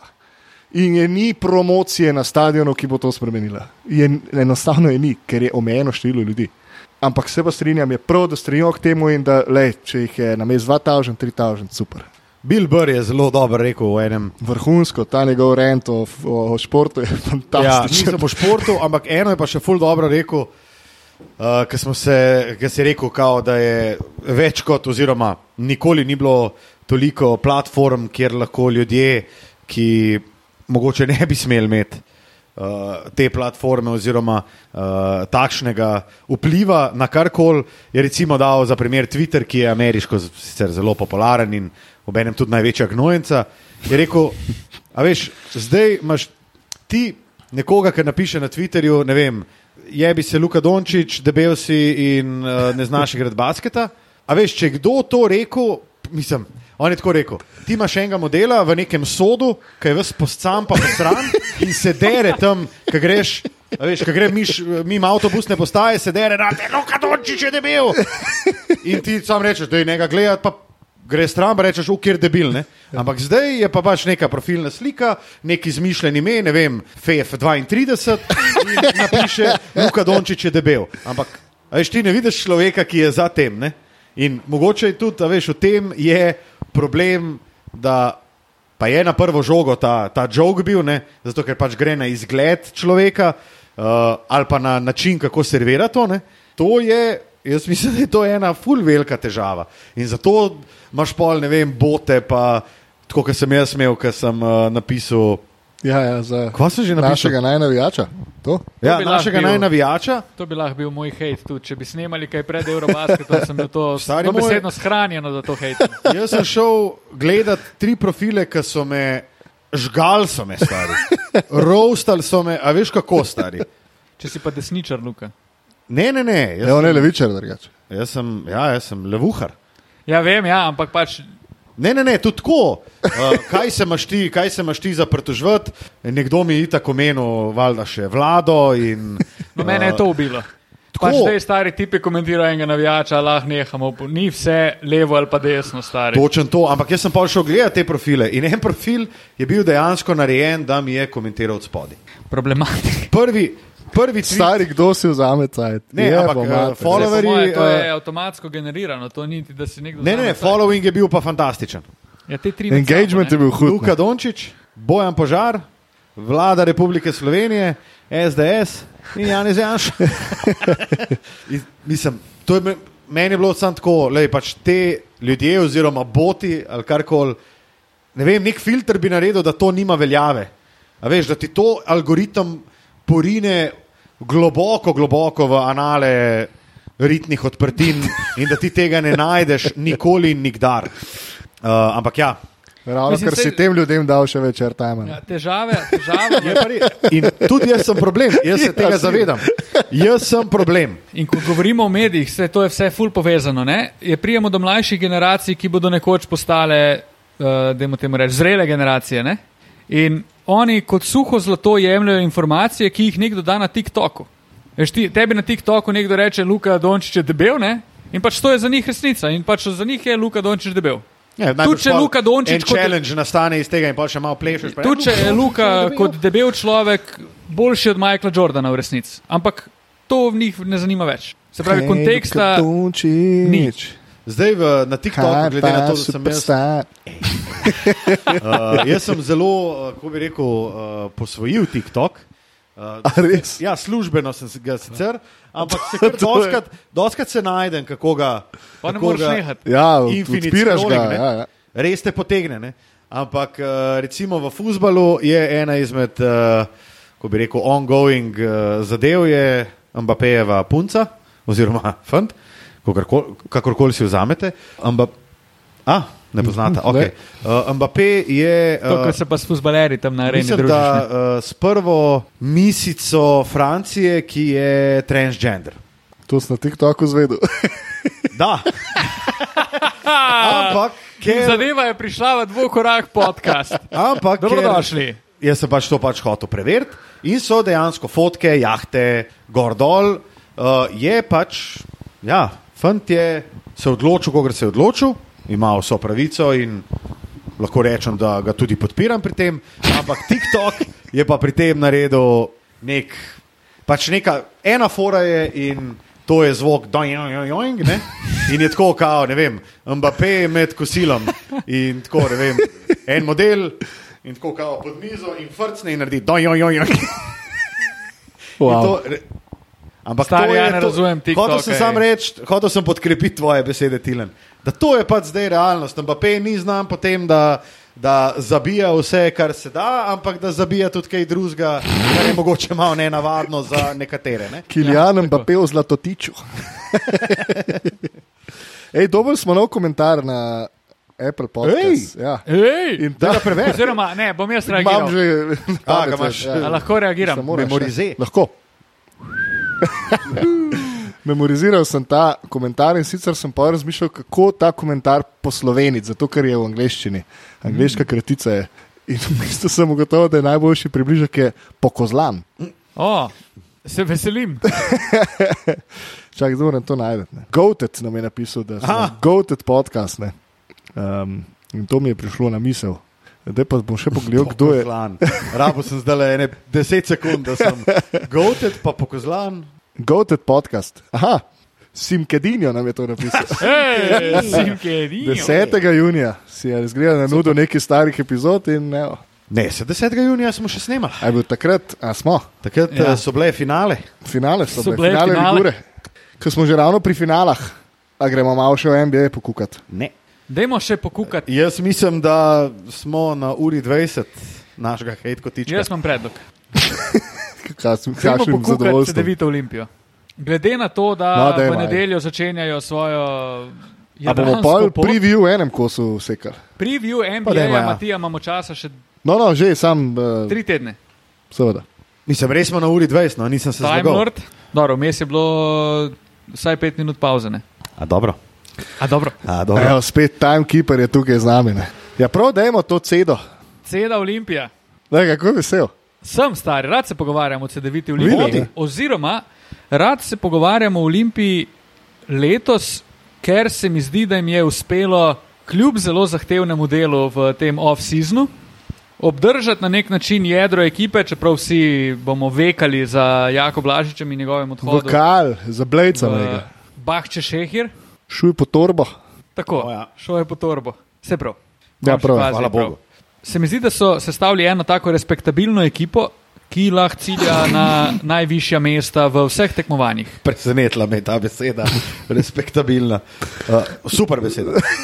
Tam presenetila me je oprosti. Ne, Včasih Luka tako komentira, da pol ne veš, ali je ok ali ne. Ne, ne, ne, sej, super beseda oprosti. Še zdaj ne veš. Se norca dela, resno mislim. Kakorkoli. Ne, ne, ne, ne, ne. ne. Super beseda, oprosti. Sicer pa vem, če si opazil, ampak uh, ti lu izmagaš tu. Tako da ja, se je kar božička na nudo. Parkrat med spodom se gleda, ostali Božička si je na stari. Tipma rjave lakirce, pomo pa, pomo pa gospod Božič vam pogleda, stari, to je pa norišnica, res izpod kavboj. Ah, hudo, Vsaka stari. ti čas, bravo. V glavnem, V glavnem. Aaron Harrison je moj najljubši igralec. Ki ga bomo imeli dva meseca. Stari, upam, da bo je dlje. Za tri je podpisal. Jaz upam, da bo on dlje ostal. Ne? Če Bomo pa ne bo ostal dlje, pa se več kot očitno najbrž ne bo od, izkazal, odrezal in tudi prav, da bo spakiral. Um, Še ena ukrepitev, na katero sem navdušen, je Karlo Matkovič. Karlo, Uh, zelo. Karlo bo pa imel, se lahko tako reče, breakout sezono. Uh, Ja, pri lahko se Olimpiji. reče. Glede Ima na to, da je igral v Evrokupu, pa da ni igral, bil je izbran, na, izbran je bil na naboru Mislim, da kot 52 po vrsti. 52. Tako. Jaz mislim, da bo Karlo Matkovič imel breakout sezono. Moram pa samo eno, uh, ma, niti ni anekdota, ampak zanimivost povedati o Aaronu uh, Aaronu Harrisonu. Namreč uh, v ponedeljek, torek smo, bili, smo imeli Media Day z nekaterimi košarkarji Cedevite Olimpije za novo sezono. Zoran Dragič, uh, Edo Murič, Karlo Matkovič, Lauro Gnidič, Rip, njegov priimek sicer, ampak um, in Aaron Harrison. Harrison je prišel kot uh, zadnji in moram reči, da na televiziji tip zgleda precej, precej bolj mrgast, kot je v živo. Meni se je Aaron Harrison, recimo pri Galatasaraju, A te pa on zlija mrga. meni se je on zdel mrgačina velika. Hm. To mi je bilo ful čuden, ker sem ga videl in imel take neke. Ne vem, kaj bi rekel, nek štucinko smač noge. Imel. Je imel pa fant tudi uh, zelo velike težave pri prebiranju promotov. Ja. Uh, to, je bila pa, to je bila pa velika pišurlja. In ful mi je bilo A v dobro. slovenščini v V angliščini? angleščini. Ja, okay. Ful mi je bilo dobro, ker se je človeku videl, da lej, jaz sem prišel sem za ajde, tri mesece, sem podpisal kar ene par bajnih pogodb v svoji karieri, ampak kako je pa tip zmrzno pred kamero in kaj je mogel uno brati. Stari tip se je tresel, ne zabavam se. Tip je, kaj ta tretji zajebo je bilo že uno, ok, tole je meltdown, ne, tole ne bo šlo čez. Je bilo pa ne vem, mi smo tako posneli, ne, da enkrat jih imaš ne, in posnameš Glejte, Abu Leigo, nekaj na, na, na Areni Sport. Želim vam uh, vesele božične in uh, novoletne praznike, spremljajte nas tudi v naslednjem letu, pa čas je za playoff. Ne? Dali smo, da imamo posnete vse za celo sezono. Ker se je tip per Christmas in Happy New Year zapletel, tip, ti pa se ni, ti pa se ni najdel. Mislim, da ga še vedno iščemo. Ne, ne, Tip če je bo imel slabo zmrznil. sezono za Olimpijo, vemo, odkot to izhaja. Ne? Da ne bo pa kdo rekel, nisem vedel. MVP je, MVP-ja sta pa dva pri teh snemanjih. Edo. Uh, dan prej smo snemali Omiča, A, ki On je imel nesporni MVP. Neverjetne težave z besedo uh, najpomembnejši Najbitni. in je potem kar to zamenil za Seveda, najbolj. vse tako naredi čisto vsakič. Tip je, tip je gorel, je stari, tip je bil čist hud. Uh, Content provider. z- on je provider, Zole je pa tudi provider. Zoki Dragič je pa, a veš, imel si napisan. On je tam malo živjo- nadrkan model skozi. ne? Je, je, je malo nadrkan, ampak smo ga full sprostili. Uh, pol, ker smo imeli še kao neke igrice, on je mogel iti na terapijo in tudi uh, oba PR-ovca Olimpije s- sta bila tako, da je pač mudi se, mora iti pa iz oki sam rekel, ne, ne, ne, da je to bi se pa šel. Ne. No, z oki, ki smo dali za brat promo, je pač tako, živijo, jaz sem, črta. No in z oki je to prebral, živijo, jaz sem. Črta. Spremljajte CD-vita Olimpijo. na- Pa jaz ko ne, ne, ne, zole, kle reče svoje ime. A ja, ja, ja, ja valjda, valjda. Živel jaz sem, Zoran Dragič, uh, ne, ne, ne, zo- dej, v, v Izi, kao, posnami ta črta ga je sfukala v živ mozak. To je bilo zelo simpatično, bilo, no, tako bom rekel. Oba sta fantastična content providerja. Uh, Edo Murič je pa. A, je pa dokazal, da je profi. Če mu ni treba zicarja vršiti, kar hud. A to bi lahko tudi za Zoleta rekli. ne. Uh, ampak ja, uh, Edo je pa, jaz moram reči, da mi je iz leta v leto mi je bolj. Uh, na moji lestvici simpatičnosti je iz leta v leto više. Ja, res, Kdo Edo pa, je kdo pa pa, vodilni na tvoji listici simpatičen? pri Olimpiji je mi kar vodilni. Poleg uh, seveda Laura Gnidiča. Jaz, ko me čakam, da gremo na prvo tekmo in si Lukas bere uh, Svojega letošnjega Marko najljubšega. Sakina. Ja. Ne, ne, Ne, dajmo sem- še malo, dajmo Kaj še sem malo. na, kaj sem na Karlu? ja, to smo Ja, vsi. to smo. Iz Ja. Karla bom težko zjahal. No? Dober, sem, ti si bil na Marku Sokinu haj, ker si se sprdal s tem, ampak si nam šel na živce, ker si ga še vedno gural. Tega modela iščemo. Tega ga bomo, ga bomo letos dočakali. Po mojem ne bomo dočakali. No, lej, pustimo se Kar je presenetiti. tudi pohvala uh, za sestavo Tako. Olimpijine ekipe. Ja. Um, Je, zaslužijo si pohvale. mislim, Josh Adams, Odlično. ocena, ocena 5, Karlo Matkovič, ocena 5, ali Begovič, ocena 4, uh, Harrison, ocena 4,5 za te tri mesece. Če vzamemo za tri mesece, je zame čista petica. Odlično. Uh, potem imaš pa še Mislim pa, da, da pa proradi, pa ostane. Pa, pa sploh. Gnidiča, ki bi mu dal mirno oceno 4. ja. Jaz mislim, da ni bilo slabe okrepitve v tej Vem, sezoni. kdo je tvoj stari. Ajde. Jeremič. Jeremič je pa, Jeremič je pa, stari. Jeremič bo pa, to se pa sam prepravite na rešetanje, pa z neprebojnimi opiči, prosim, stožice, ker ti bo pa. Jeremi je tvoj ti- stari. Ti bo pa strelil v trgu, to bo pa noro, stari. Jeremi Jeremič, Jeremič je pa, zmagovalec. Lukatov izbor za letošnjo sezono. jaz Jeremy. kar napovedal MVP meseca oktobra, aba ligi. Evo ga. Evo ga. Ampak Jerema je meni bil vedno, ko je igral proti Olimpiji, je bil un model, ki je najbolj zafukan. Tak, pa ga bom zdaj zelo pohvalil, ampak tak J.C. Carroll uh, po nevarnosti se mi je zdel. Ne. Ta, jaz bi rekel, upgrade Hodžiča, se mi zdi Jeremič, zato ker mislim, da lahko tudi precej boljš podela. V obrambi, čeprav nisem prepričan, koliko on dejansko Mislim, dela v zdi ta obrambi. primerjava Ampak kar po slaba. kons- konstituciji se mi zdi pa. Mislim, da je druga boljši. liga, Jeremič, ki Ja, pač to, to je drug par čevljev, Ja. o katerem se pogovarjamo. Če primerjamo Hodžiča pa Jeremiča, ne vem. Ne No, ampak gledaš, Hodiča lahko z Mulaličem primerjaš. V smislu, Prej, kot z Ja. Jeremičem. No, Je, dobro, da ampak bo mat- govorim, Ja, ja, velik upgrade. da je smislu- upgrade. Zdaj Velik. sem rekel, da Velik. v smislu sestave ekipe, pa če ti računaš na Jeremiča približno ali pa malo več, kot si lani na Hodžiča, je to velik upgrade. Če je bil lani Hodža, ne vem, osmi igralec ekipe, pa nima veze, tudi če je bil deveti.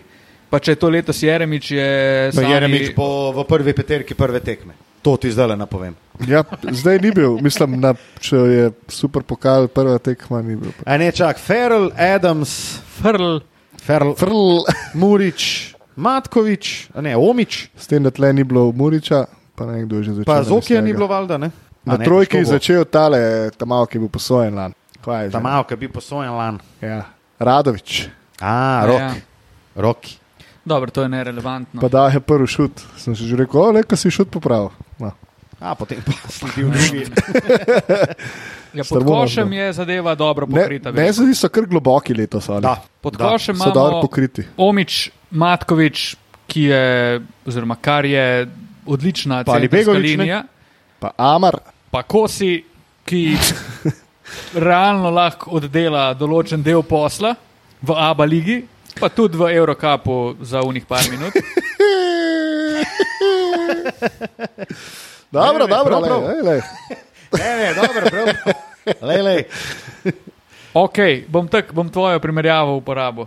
Če primerjamo Kosija z Radovanovičem, a je Radovanovič, So oni še kar v ekipi. ki je še skozi v ekipi najverjetneje, pa če je to Je, je. ista, uh, isti nivo Razumem, od razumem. lani letos, je Kosi v moji knjigi še vedno upgrade. Upgrade, v ekipi. definitivno. Jaz mislim, da Stari. Ja, mogoče je upgrade, ti- ampak to je mini upgrade za moje pojme. Še skozi upgrade. Jaz mislim, da letos trije glavni igrači Olimpije, Josh Adams bo, Josh Adams bo norišenca. Viš, ja pa nisem tukaj pripričan v to. Jaz pa sem mislim, da stari. bo stari. On Jaz je pa- Jaz sem, si želim, da pa bi ho- bil. On je pa hodeči, uh, kako se reče, škaf, tako je. hodeči bucket. Je on. Meni se on zdi hodeči problematik. Ej, jaz sem zdaj delal super za Kina po, rekel, pa je bil Kino v bistvu najboljši igrač. Okay. v drugi italijanski ligi. V glavnem, jaz sem ga zdaj delal na super pokalu in sem bil lega, lega, lega. In sem bil pozitivno presenečen nad njim, zato ker se ni nič naprej metal, ampak je pa zagustil, je pa rešil star. To bi. To je bilo To tako dobro videti. To so je bilo tako dobro videti. Odlično. Ker itak si je imel gospod uh, Meblo Jogi. Ne? ja. Ne, čeprav jogi bo.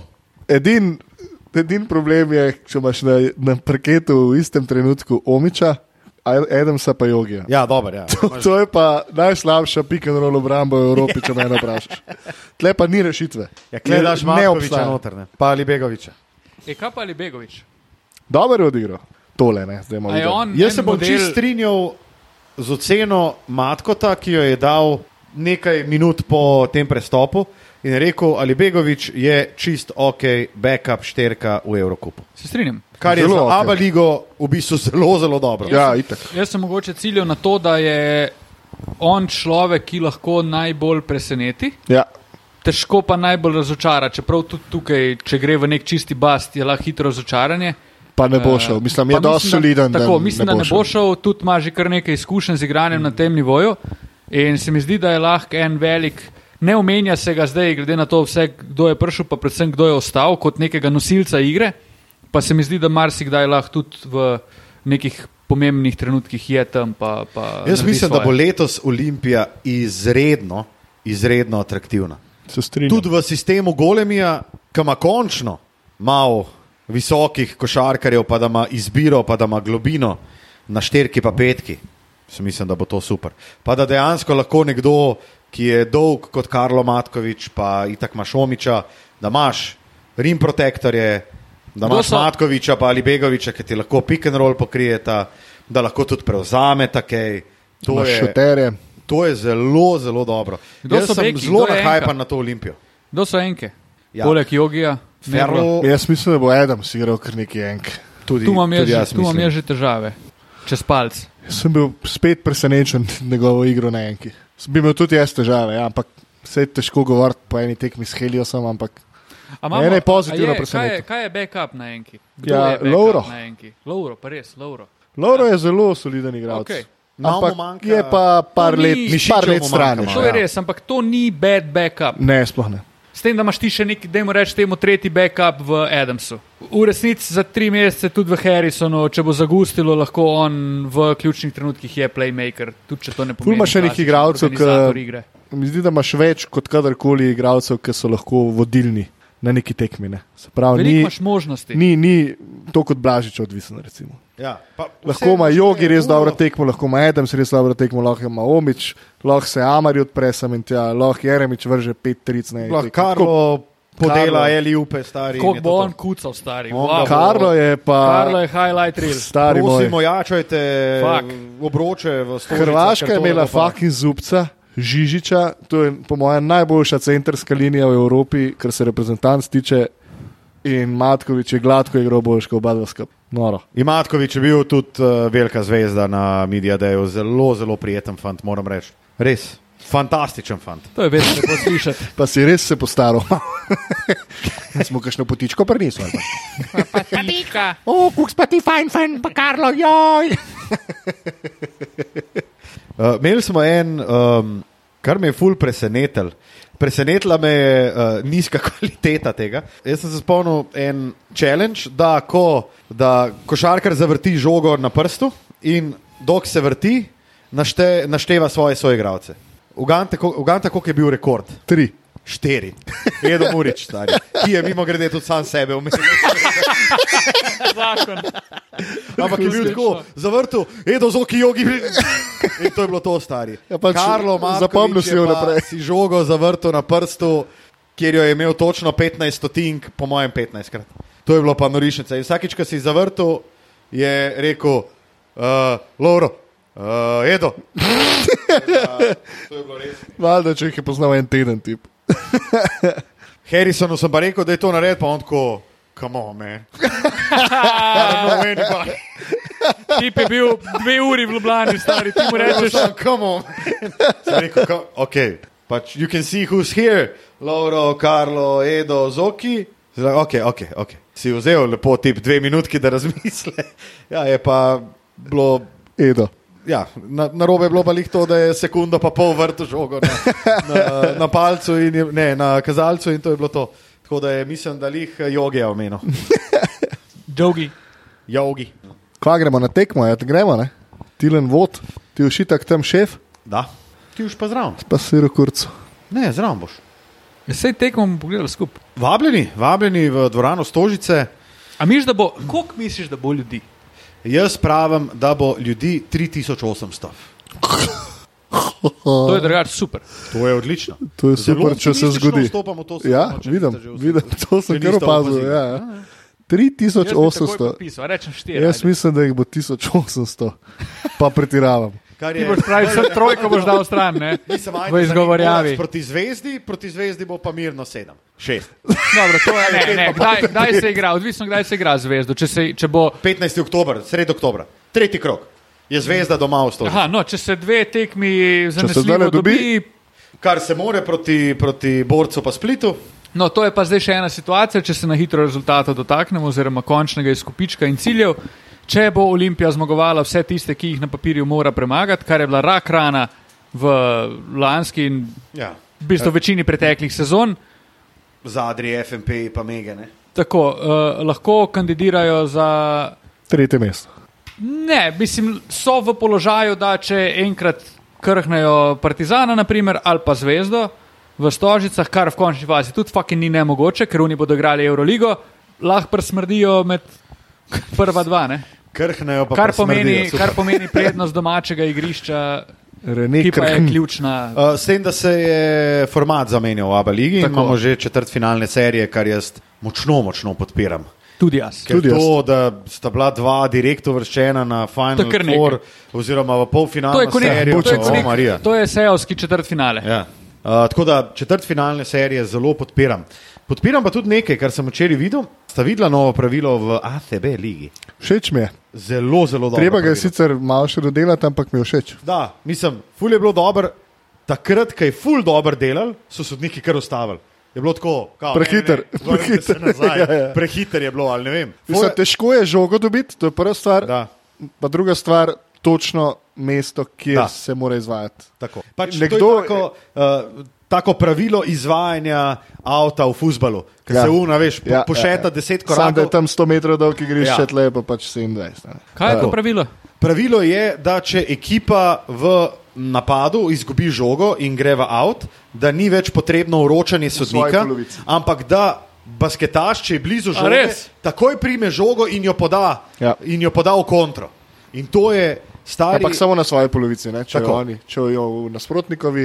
Razen v zadnjih dveh ne. minutah tekme, pa je pa vročanje. Ja. Ampak to je stari super pravilo, zato ker prvo kot prvo ura teče, znači vse je bolj dinamično, hitrej, drugo kot drugo imaš pa par konter, ki si jih izmisliš stvari. Pa govorimo samo o izgubljenih žogah. Če gre Ja. za korake, Ne, ne, ne, če gre za korake, je itak. Če vržeš žogo v avto. Prekinitev. prekinitev, Če vržeš žogo v avt, Tako je.